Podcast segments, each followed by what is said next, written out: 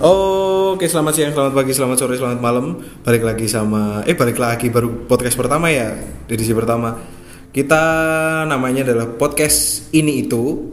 Jadi yang kita bahas itu ya ini sama itu. Eh, sebelumnya kenalan dulu eh, dari saya dulu, saya Bayu.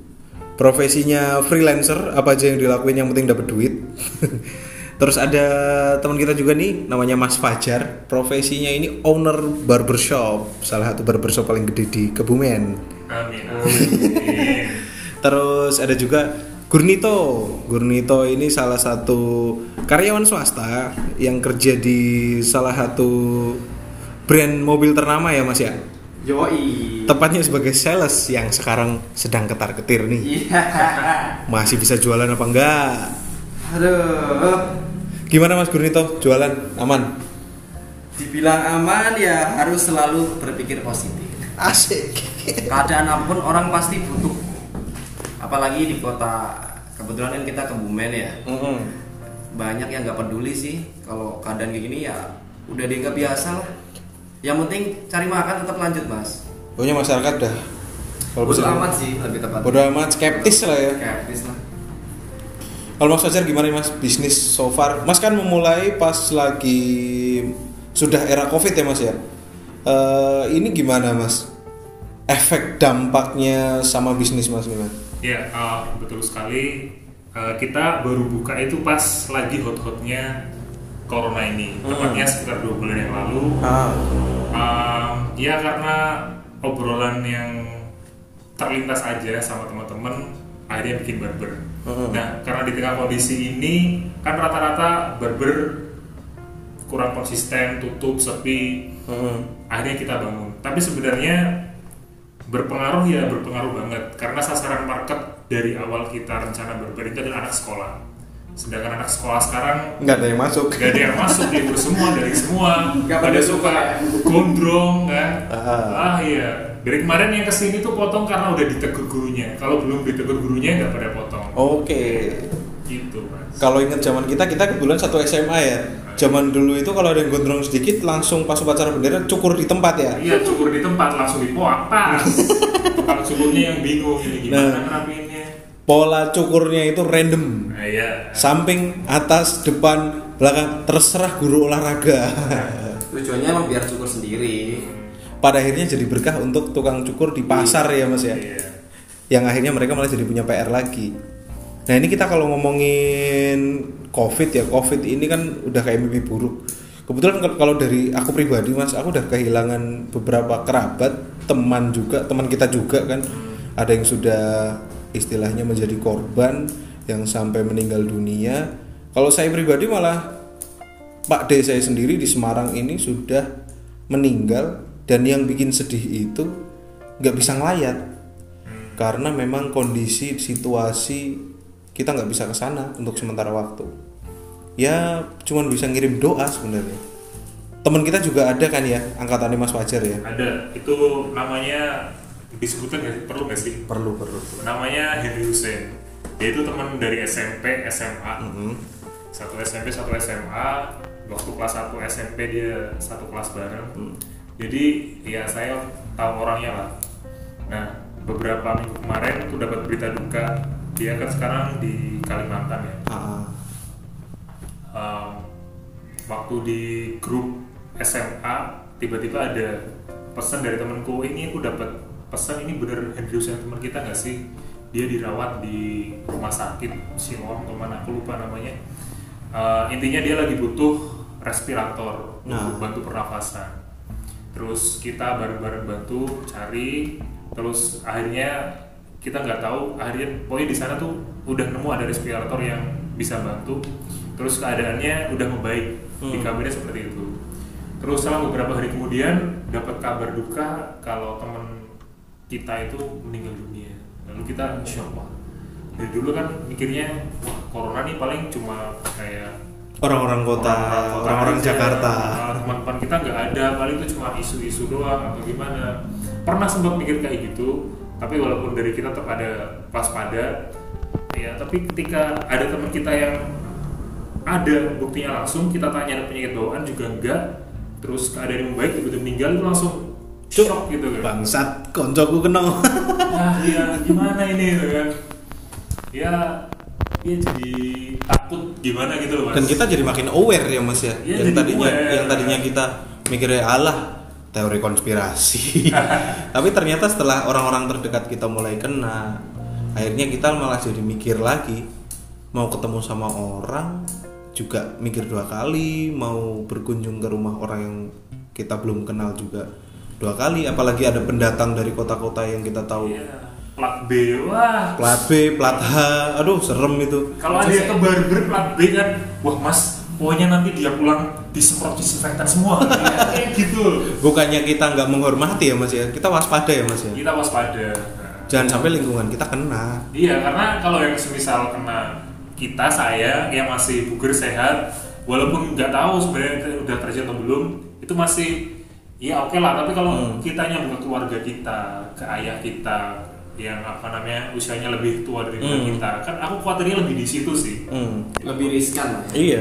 Dan sebenarnya sekarang covid ini mengalami perkembangan. Ada yang namanya happy hipoksia jadi si orang itu dia nggak sadar kalau dia sakit nggak sadar kalau kadar oksigen dalam darahnya itu berkurang sampai akhirnya dia pingsan. Orang mikirnya pingsan biasa tapi dia sebenarnya eh, darah ke otak ini sudah nggak maksimal udah nggak ada oksigennya. Nah itu kan bahaya juga meskipun aku bukan orang kesehatan ya cuman kemarin sempat ramai di twitter tentang happy hipoksia itu jadi orangnya seneng-seneng ketawa-ketawa cuma dia nggak sadar kadar oksigen dalam darah itu udah Iya. berkurang dan itu karena corona iya iya salah satu yang disebabkan oleh covid itu kayak gitu Aku juga dengar juga berita itu mas. Hmm. Eh, kemarin ngobrol sama temen kita juga, Hmm. namanya Wais itu ngobrol tentang hip apa happy hipoksia happy hypoxia itu, yang kadar oksigen itu kurang dari 70% Hmm. itu ya dia nggak kerasa rasanya sehat biasa aja, tapi kadar oksigennya itu menafasnya tuh nggak apa ya lebih rendah gitu loh. ya Nah kemarin makanya juga sempat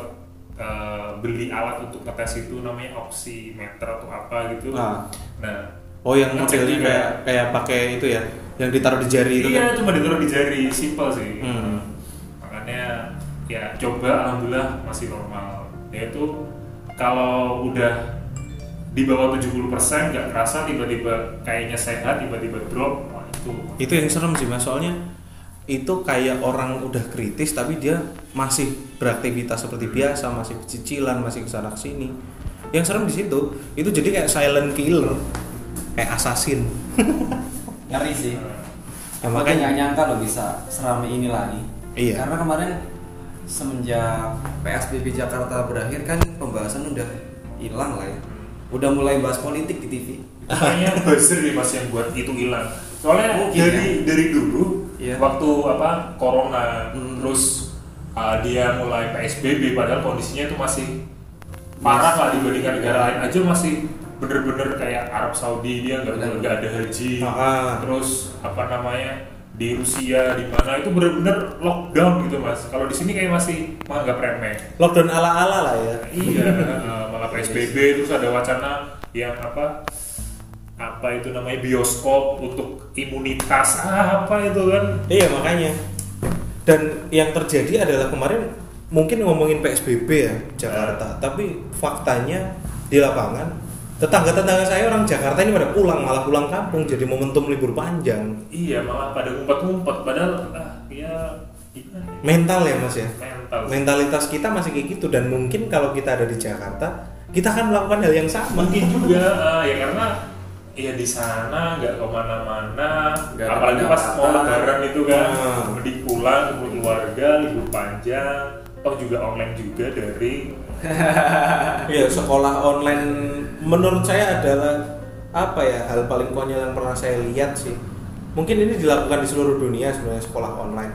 Tapi menurutku konyol dalam artian gini eh, sekolah online itu kan nggak ada tatap muka ya. Tapi si anak ini dituntut untuk melakukan sesuatu yang biasa dilakukan pas pembelajaran tatap muka. Tapi ada juga yang tetap muka mas. Jadi kayak pakai zoom Hmm, ya. ada beberapa Hmm. sih yang konyol anak-anak SD disuruh bikin video lari-lari. Itu apa? Itu belum, apa? belum nemu esensinya sih situ sih video ada lari. juga yang suruh eh, tes apa namanya itu bro? Yang oh iya yang kadar oksigen. yang ngukur itu VO2 max Iya. VO2 max. Suruh ngisi sendiri. Iya itu konyol sebenarnya. kejujuran ya? Iya ngelatih kejujuran dengan cara mungkin yang aneh. Aneh sih. Tapi tidak ada cara lain sebenarnya sebenarnya semua lini semua sektor semua negara bahkan sekarang kayaknya nggak punya opsi. Nggak punya banyak opsi lebih tepatnya. Ya karena kita belum dilatih mas. Ini kejadian yang 100 tahun sekali atau 200 Sebenarnya, tahun sekali. kalau untuk masalah dilatih dan enggaknya itu relatif ya. Karena Hmm. ada beberapa negara yang belajarnya cepat. Ada Hmm. yang belajarnya lama. Ya. salah satunya yang belajar lama ya negeri kita tercinta. Karena apa? Bukan karena orangnya sih kalau menurutku bukan karena orangnya nggak pinter atau apa karena memang orangnya tuh rebel man Indonesia is rebel peraturan ada untuk dilanggar Oke, siap, siap, siap. Soalnya itu nilai yang sudah ditanamkan sama kita udah dari dulu ya.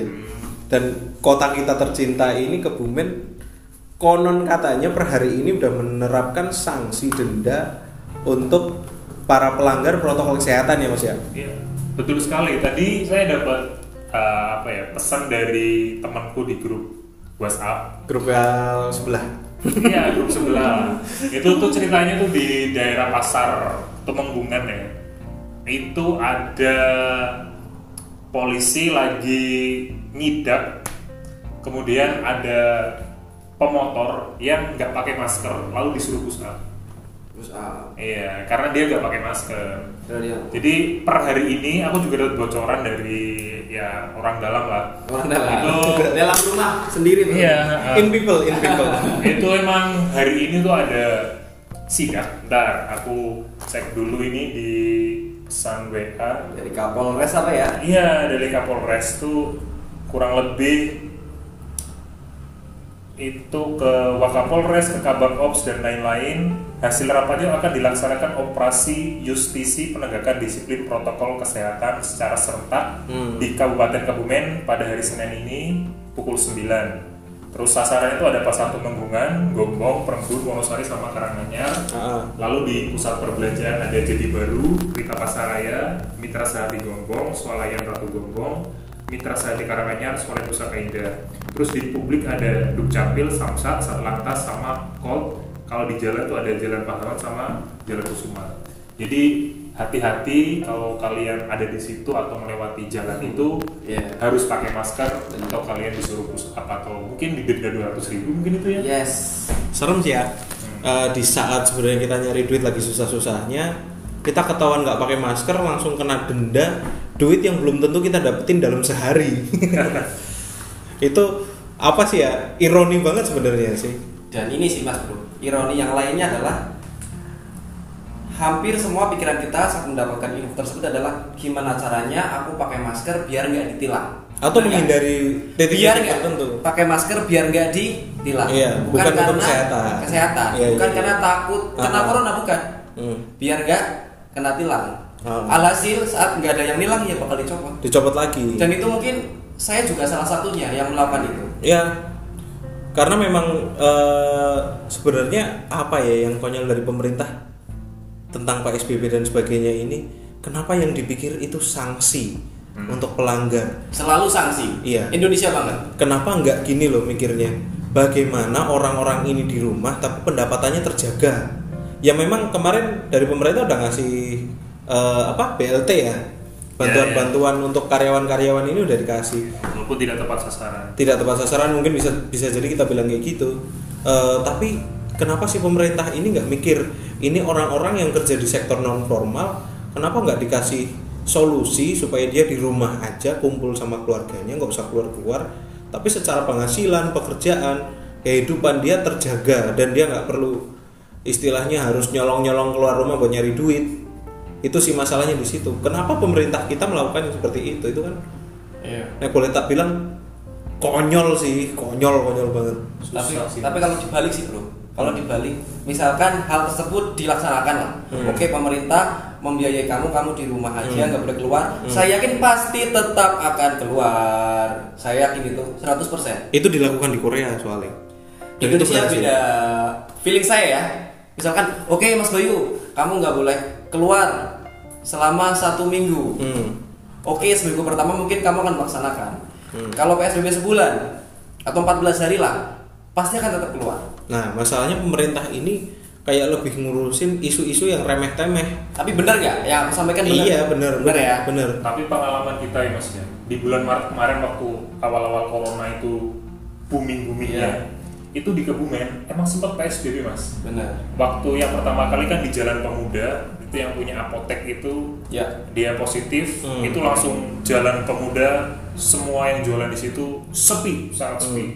Kemudian di Jadi Baru saya kan sur tetap survei ke yang jualan di depan, itu paling sehari cuma 10 mas Hmm. itu berlangsung cuma selama satu minggu Oke. karena saat itu kan eh, kami teman-teman ada rasa prihatin kepada masyarakat Kebumen Hmm. kita kayak bikin dapur umum bersama lalu kita nyebarin kayak nasi bungkus dan lain-lain Iya. itu dari donatur orang-orang Kebumen sendiri kita cuma bantu untuk menyalurkan itu pokoknya di minggu-minggu pertama sangat sepi mas Oke. Taat aturan. taat aturan Karena ada kasus yang dua gitu Iya, ya. karena Tapi kan- setelah itu lupa.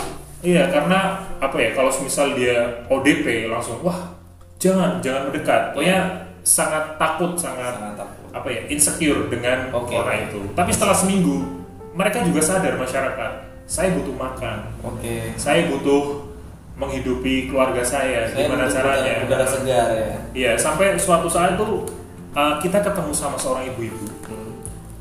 Ki- uh, dia kami kasih nasi bungkus sama sembako, beras, minyak dan lain-lain. Dia tuh sangat berterima kasih sampai yang ngasih tuh pengen nangis. Dia tuh bilang kayak gini, "Eh, saya dari kemarin apa dari kemarin tuh masih belum makan mas. Eh, anak saya tujuh di rumah.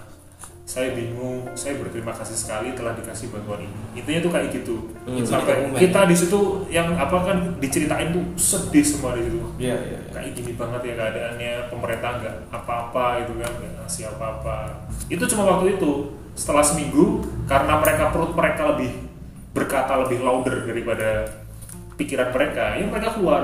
Ya. Nah, kayak gitu sih mas. Karena yang memang kebutuhan primer harus tetap dikasih. Iya. sandang pangan papan itu harus terpenuhi. Iya. Bahkan sampai waktu itu di desa saya sendiri sih ini bukannya jelek-jelekin orang sih. Bahkan waktu itu kan sempat ada larangan dilarang jumatan ya jamaah ya waktu itu. Sempat yang rame-rame itu untuk dilarang jamaah. Ada beberapa oknum istilahnya pemuka agama itu yang ngomong kalau covid ini cuman isu dan menyebarkan ke mana-mana. Akhirnya yang namanya orang desa itu bahasanya manut Pak Kiai bukan manut Pak Dinas Kesehatan. Kalau Pak Kiai sudah ngerti kok A ya A. Kalau Dinas Kesehatan ngomong A belum tentu A. Wong dia istilahnya nggak tahu hidup mati orang. Sekarang kalau kita ngomong orang desa tuh ngomongnya urip mati udah ada yang ngatur rezeki itu udah ada yang ngatur makanya nggak usah takut sama corona Oke. Kalau berkaitan dengan masalah desa ini, tadi pagi baru aja buka YouTube, eh, random sih, tiba-tiba keluar eh, statementnya si Mardigu. Mardigu Oh, tahu dong. oh Kadang kan aneh-aneh. aneh, kontroversi Aku biasanya nggak baca terus tak baca. Oh ya menarik juga nih pemaparannya. Jadi sedikit informasi lah ya. Jadi ternyata Indonesia itu kan hampir 90% pedesaan, Hmm. bener ya. Dan kota itu selalu di tengah-tengah pedesaan iya dan pasti pusat corona itu kan di kota. iya Nah, cara yang dia tawarkan yang sudah berhasil di Cina adalah dengan cara mengkepung perkotaan. Hmm. Jadi yang kita amankan zona positif, zona positif, zona hijaunya itu daerah pedesaan dulu. Iya. Misalkan kota nih, Kebumen, kota Kebumen kan dikelilingi dengan beberapa desa. Pastikan desa luar terluar tersebut hijau. hmm. Yang udah hijau kita jaga. Hmm. Caranya gimana ya dengan berbagai macam ide dia misalkan dikasih gelang hijau atau apa pun lah. Iya. Intinya yang sudah hijau aktivitas biasa. Tapi orang luar yang terbatas buat masuk. Hmm. Oke ya, karena Oke, oke. karena desa ini pertama memang tidak terlalu rawan corona. Ya. Kedua itu aktivitas untuk pangannya tuh besar dalam Ya. arti mereka penyedia pangan. iya loh. ah, betul Kalau misalkan petani nggak boleh ke di lockdown total misalkan Jawa Tengah, petani nggak boleh ke sawah kan lucu, ke sawah Ya. ketemu siapa gitu kan? Hmm. Desa kita eh, yang udah hijau tetap aktivitas biasa, yang sudah kuning dipantau. Hmm. Nanti lama-lama kan akan mengerucut ke kota. ya Itu lebih efektif menurut saya. Artinya eh, perlakuan tiap daerah akan berbeda sesuai dengan keadaannya. Jadi kamu setuju sama si Mardigu itu ya? Sedikit banyak setuju karena dengan metode yang sekarang semua dipukul rata itu malah jadi ribet semua. Ya. Hmm. Eh, kadang eh, apa namanya kesalahan kita adalah mengeneralisasi. ya nggak ada mapping Semua harus diperlakukan sama, padahal Hmm. kan belum tentu keadaannya Iya. seperti itu. Alhasil tujuannya bagus malah jadi kontraproduktif. betul betul Yang tujuannya biar nggak kena virus malah kelaparan yang tadi Iya. ceritain. Saya nggak nyangka loh mas di Kebumen sampai terjadi seperti itu. iya Saya tadi agak sedikit berdiri bulu bulu hidung saya, bulu kuduk sedih. Nggak Soalnya nyangka. bulu hidung tuh nggak ada yang rubuh sih mas Iya, iya, iya.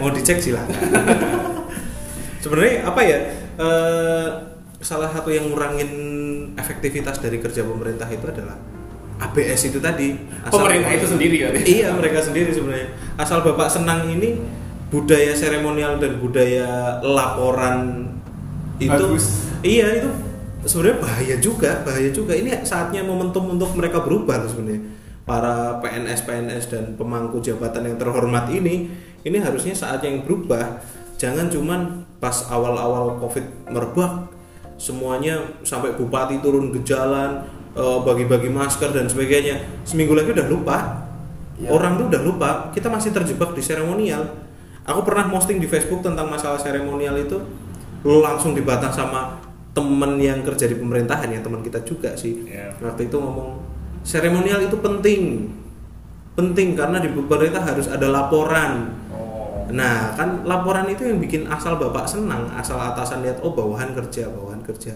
Padahal kan nggak usah lihat itulah, lihat hasil aja. Hasilnya sekarang kayak gimana sih sebenarnya sih? Nah, ABS ini bahaya banget. Ini akan bunuh kita pelan-pelan.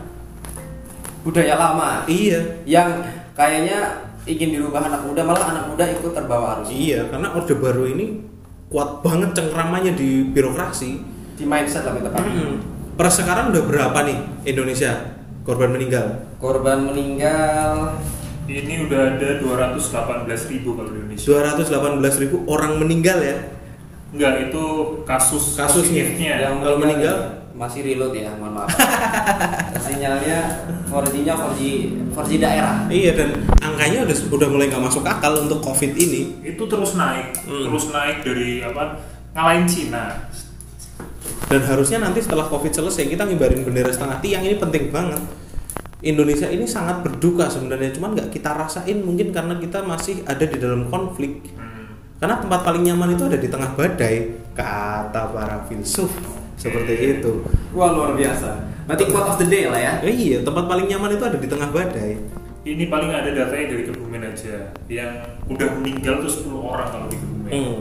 Terus uh, yang positif tuh 289 Ya. sampai saat ini, yang sembuh 196. ODP-nya 3465 dan PDP-nya itu 375. Dan ODP itu pendatang ya di sini ya. Ya bisa pendatang, bisa juga orang sini yang ketularan pendatang juga bisa. Yang yang pulang yang pulang terus dia bersalaman Hmm. misalnya itu langsung jadi ODP. Makanya yang paling serem itu waktu awal-awal kuliah diliburkan, terus banyak PHK ini kan besar-besaran orang itu pulang ke kampung. Ya iyalah kalau mereka di sana di PHK, Iya, nggak bisa mereka di sana makan pakai apa ya pulang lah. Pulang kampung. Pulang nah, kampung. belum tentu mereka nggak bawa virus kan? Iya belum tentu. Mereka ya saya kalau dari kota besar kalau aku sih su, apa ya seuzon mungkin ya. Tapi ya Harus. kemungkinannya harus, kayak Harus- gitu. harus seuzon. Karena dari kota besar itu banyak banget Iya. kasusnya. ya. Aku kan kebetulan PHK-an juga, aku PHK dari Jogja kan. Iya. Waktu itu begitu awal pulang itu dari keluarga aku, aku harus di dalam rumah terus Oh, selama berarti sempat isolasi ya. sempat isolasi selama sebulan. Bagus bagus. Karena waktu itu yang yang serem adalah ketika kita keluar rumah nanti diarak masa malah bahayanya. Soalnya waktu itu ada ada sebuah eh, orang itu Parno.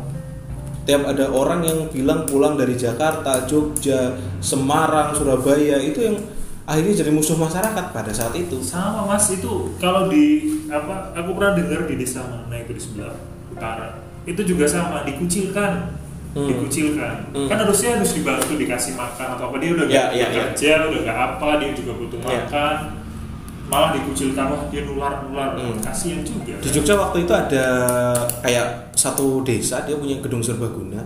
Jadi warga warganya yang baru pulang dari Jakarta atau dari luar kota dari zona-zona yang merah itu diakomodasi. Jadi tidur di gedung serbaguna, makan disediakan, terus apa namanya kebutuhan-kebutuhan dia sehari-hari disediakan dan keluarga nggak boleh nengok selama satu bulan sampai akhirnya dites apa itu? Yang tes reaktif non reaktif semacam-macam lah ya. Swab. itu ya dia harus negatif dulu baru boleh pulang ke rumahnya. Itu sebenarnya kebijakan yang paling benar menurutku. Jadi disediakan tempat. Percuma aja dia isolasi di dalam rumah tapi keluarganya juga keluar rumah. Sama aja kalau dia nular keluarganya malah jadi agen. Iya. Yang bahaya kan itu sebenarnya. Betul.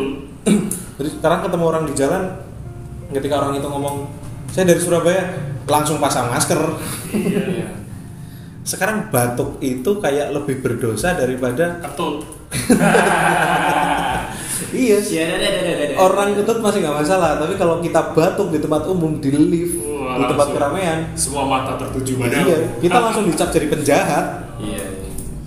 serem nggak sih sebenarnya kalau Gurnito dari ini kan sales mobil ya sales mobil pasti terdampak nggak mungkin nggak kan Iya, pastilah. dampaknya paling gede apa sih selain orang-orang ini kreditnya bermasalah sebelumnya dampak ya sebenarnya saya selalu orang yang memandang nggak ingin bahas negatifnya sih tapi Ah. yang menjadi tantangan para penjual mobil Iya. dan juga pengusaha mobil lah ya Hmm. pertama itu stok iya stok kan produksi mobil berhenti sekarang Hmm. otomatis stok berkurang karena pabriknya banyak yang PHK ya antara antara yang PHK atau lockdown atau apalagi sekarang aktivitas nggak boleh kan hmm. Padahal orang beli mobil tetap ada. Iya karena kebutuhan. Hmm, yang kedua eh apa ya aktivitas kita terbatas. Ya. yang namanya penjual kan harus berkomunikasi dengan calon pembeli. Hmm. harus ketemu warawiri antar kota antar provinsi gitu kan. Hmm. jadi menjadi terbatas lah. Tapi kalau dari segi penjualan ya semuanya turun. turun. Semua semua link. brand turun. Semua brand turun. dan itu memang hal yang wajar di di apa namanya keadaan seperti sekarang. Orang itu lebih memikirkan buat makan dulu lah. Serem nggak sih kalau misal suatu saat mobil ini udah nggak ada yang buat dijual mas? Serem dalam arti apa nih? Maksudnya buat saya ya? Iya. Biasa sih. Pasti ada cara lain lah untuk mendapatkan rezeki. Kalimat menghibur diri ya sebenarnya. Iya eh, nggak perlu takut lah masalah rezeki. Aku pikirnya gitu. Pasti Hmm. ada jalan. Nah untuk itu dengan keadaan seperti ini nggak cuma nggak cuma pedagang mobil kok. Semua pedagang juga pasti sudah mikir gimana iya caranya- remuk lah remuk. Gimana caranya saya bisa survive. Iya sekarang kita udah mencet panic button sih. Benar. Akhirnya eh, ada istilah bahwa the power of kepepet. Hmm. jadi Ya. ide-ide yang nggak sebelumnya kepikiran jadi kepikiran. Iya iya iya.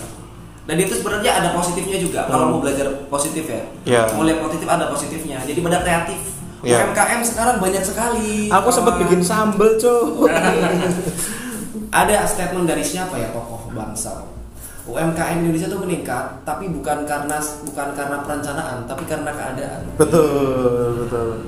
Orang Indonesia ini adalah salah satu etnis atau suatu bangsa yang paling tahan banting. Ya. Terbukti. Terbukti. Terbukti. Dari dulu dijajah Belanda aja kita masih bisa hidup kok. Iya iya kita Belanda, bikin usaha macam-macam Jepang Hmm. Inggris Hmm. kita diperkosa banyak orang kita masih bisa hidup sekarang apalagi covid ini covid ini pas awal-awal itu kan pedagang masker kaya banget berarti bisa melihat iya. peluang sempat jadi pedagang juga sih nih pedagang masker bikin sendiri itu sendiri Iya, iya, jual iya. sendiri ya laku Laku. Iya, makanya. cuma setelah gempuran dari negara api yang murah-murahan ah, udah kita angkat tangan lagi berarti memang orang Indonesia ini paling pintar melihat peluang sih peluang kayak apa aja disikat. Ya. apalagi kepepet iya. Hand sanitizer pada saat itu satu liter bisa tembus satu juta. Wow. Itu nggak masuk akal. Buat sendiri. Akhirnya banyak kegiatan orang bikin hand sanitizer hand sanitizer sendiri. Nah. efeknya waktu itu temennya istriku itu habis cuci tangan tangannya langsung panas. Karena dia nggak tahu kandungannya apa aja. Jadi banyak yang homemade homemade kayak gitu. Iya. tutorial dari YouTube Kiai Al Mukarram YouTube itu yang sebenarnya dia nggak bertanggung jawab produknya kayak apa akhirnya jadi serem banyak mal praktek banyak mal praktek yang nggak bertanggung jawab iya tangannya kering, letek, itu kan bahaya banget sebenarnya. Mungkin kalau sekarang harga masker sama harga hand sanitizer udah lebih jauh terjangkau lah ya. terjangkau paling nanti di Jakarta tuh naik lagi mas masker itu kemarin dapat bocoran juga udah pada borong ya cukong-cukong di Jakarta Hmm. jadi ya siap-siap aja kalau nggak beli dari sekarang siap-siap mahal aja di sana siap siap Siap siap. Sebenarnya orang Jakarta ini udah mulai mengeluarkan statement prepare for the worst. Harus menyiapkan untuk yang terburuk, kondisi terburuk soalnya Jakarta udah dua kali dihantam PSBB total. Kemarin konon katanya saya dengar dari berita itu ini beberapa hari sebelum PSBB dilakukan orang Jakarta itu berbondong-bondong ke puncak liburan Oh, iya. dulu. Berarti berikutnya klaster berikutnya adalah klaster puncak Bogor. Oh, Nah kan sebenarnya kayak gitu kan bahaya banget kan? Itu pemikiran Indonesia kan. iya. Hmm. artis itu pada main ke Bali. Iya. Itu Atta Halilintar tuh. Nah, ke Bali kan. Asya. Asya. Nah Ya, itu kan liburan lah. sampai keluar anekdot kayak gini sih. Kalau orang Indonesia tahu kiamat kapan, sehari sebelum kiamat kita akan piknik bareng-bareng. Itu udah pasti. Happy lah ya yang penting Iya. ya. Iya. Orang Indonesia pasti happy. Kalau kalau tahu kiamat kapan, pasti kita akan jalan-jalan, kita akan seneng-seneng. Sebenarnya solusi kayak apa sih yang bisa ditawarkan oleh misal ya, misal misal Gurnito jadi bupati, gubernur atau bahkan menteri kira-kira solusi pakai pikiran bodongmu aja wes senemumu. Iya. Sebenarnya kalau bicara solusi eh, kalau untuk tawaran sendiri memang agak berat karena ini masalah solusi untuk hal besar itu kan perlu multidisiplin ya. Hmm. Kalau aku misalkan cuma melihat dari sisi mengurangi virusnya, membatasi areanya, orang juga butuh makan. Gitu kan. Hmm. Tapi garis besarnya yang tadi tuh kita amankan dulu yang sudah aman. Hmm. Jangan sampai yang yang aman itu terkontaminasi yang nggak aman. Hmm. Pelan-pelan lah. Kayak kamu istilahnya kalau dalam pekerjaan tuh yang mudah dulu, Hmm. Baru nanti yang berat. Baru di Iya. sikat terakhir ya. Iya. Kita kan nyikat yang berat dulu. Hmm. Alhasil malah pada nyebar. Iya, betul. Seolah-olah kayak ada semut gitu. Disebar ser malah jadi Iya. kamu nggak boleh di sini tes malah nyebar semua kan. istilahnya ember yang isi sampah ini ntar kita bersihin belakangan ya Mm-mm. jangan yang isi sampah kita buang dulu nanti keleceretan di Nah. jalan Oke. Analogi Anda masuk sekali, Bapak. oh siap saya itu Masa kecil itu tetap sampah. iya itu iklan kita belum endorse Oke, oke. Kalau dari Mas Fajar gimana Mas Kero kalau misal Mas Fajar tiba-tiba jadi presiden atau jadi bupati atau gubernur kebijakan kayak apa sih yang pengen Mas ambil Ini andai aja ya. hmm. Kalau aku mungkin sarannya dari Mardinggu yang tadi dibicarain sama Mas Gur itu masuk akal. Jadi zona yang aman ya kita jaga. Hmm. Jangan sampai zona yang aman malah tercemar. Terus merambah ke yang bahaya, Hmm. yang kayak tadi tong sampah itu. Hmm. Terus yang kedua harus tegas Hmm. mau ekonomi atau kesehatan rakyat. Hmm. Jangan dua-duanya. Karena ibarat kita mau ngejar dua kelinci, satu orang tuh nggak bisa. Ya. Harus satu kelinci dulu ya kesehatan ya udah kita Fokus. fokus kesehatannya terus uh, rakyat dikasih subsidi Hmm. itu kemarin juga Menteri Keuangan sempat ngitung-ngitung juga kalau misal lockdown biaya yang dikeluarkan itu berapa triliun itu udah ada hitungannya Hmm. sempat baca berita seperti itu ya udah itu dijalanin aja Hmm. andai aku ada di Pemerintahan. posisi itu pemerintah ya harus tegas sih ya mau bisnis atau kesehatan jangan maruk dua-duanya hmm. Nah, karena bisnis juga nggak bisa dilakukan tanpa kita sehat Betul. gitu aja ya mungkin kita rugi di awal tapi untung di akhir tapi itu akan bagian di akhir oke Kalau kalau aku sih Mas ya. Kalau aku sih mengandalkan negara sahabat Mas. Jadi kita kan punya negara sahabat namanya Iran. Terus kita punya kenalan itu yang salah satu sahabat baik kita negaranya Kim Jong Un Korea Utara. Kim Jong Un. Kita punya Amerika juga punya Rusia kita juga punya. Di nuklir aja mas, wis rampung mas, wis mati kabeh kita juga mati. Oke kita ketemu lagi di podcast besok berikutnya. Dadah. Semoga bisa ngasih topik yang menarik buat kalian semua. Oke.